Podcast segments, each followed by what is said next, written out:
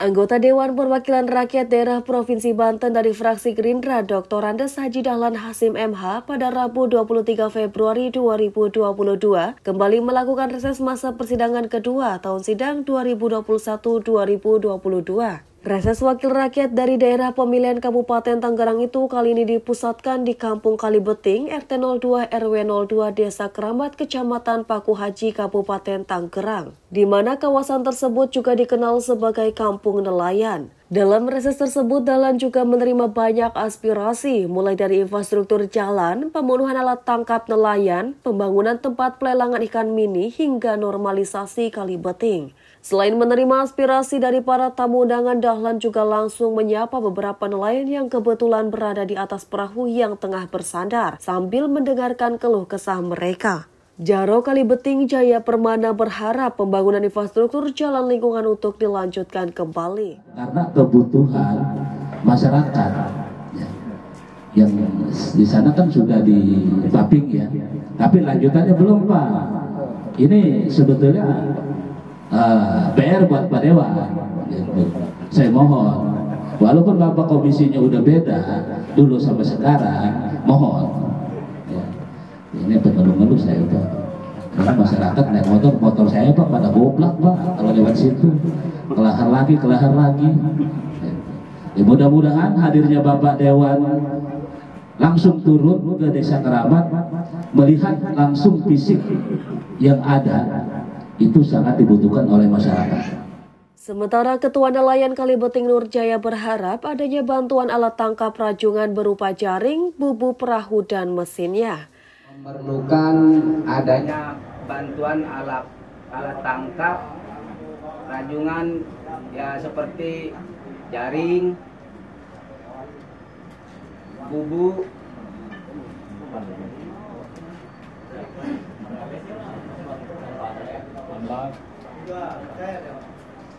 dan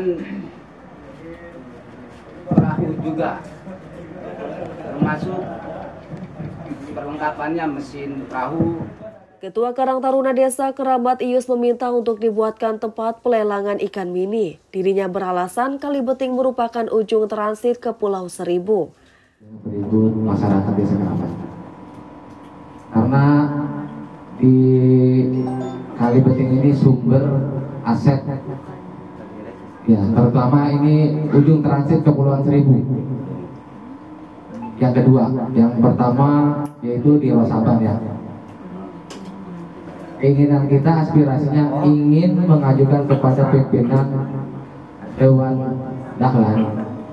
Bahwa ingin diadakannya TPI bongkar muat untuk Kepulauan Seribu.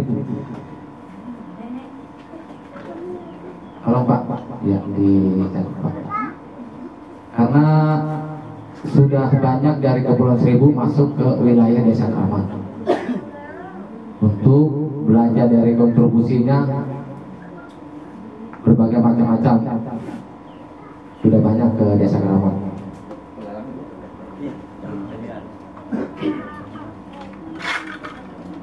karena di kita juga banyak pengusaha-pengusaha yang merasa benar-benar nyaman kita.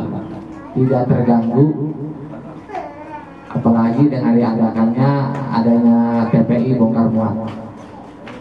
Menurut saya itu sangat luar biasa lah. Kalau Bapak pimpinan aspirasi kita ditanggapi. Uh, sudah cukup dari saya. Hanya itu aja. Poin terpenting buat uh, masyarakat desa Keramat. Iswanto salah seorang nelayan berharap untuk segera dilakukan normalisasi muara Kali Beting. Pengen saya sih ya itu pendalaman di ujung muara itu agak dangkal. Hmm. Saya situ bukannya lumpur. Kalau lumpur kan masih bisa jalan. Hmm. Karena itu pasir. Oh pasir. Iya. Kalau pasir itu susah dia. Ini nggak bisa gerak.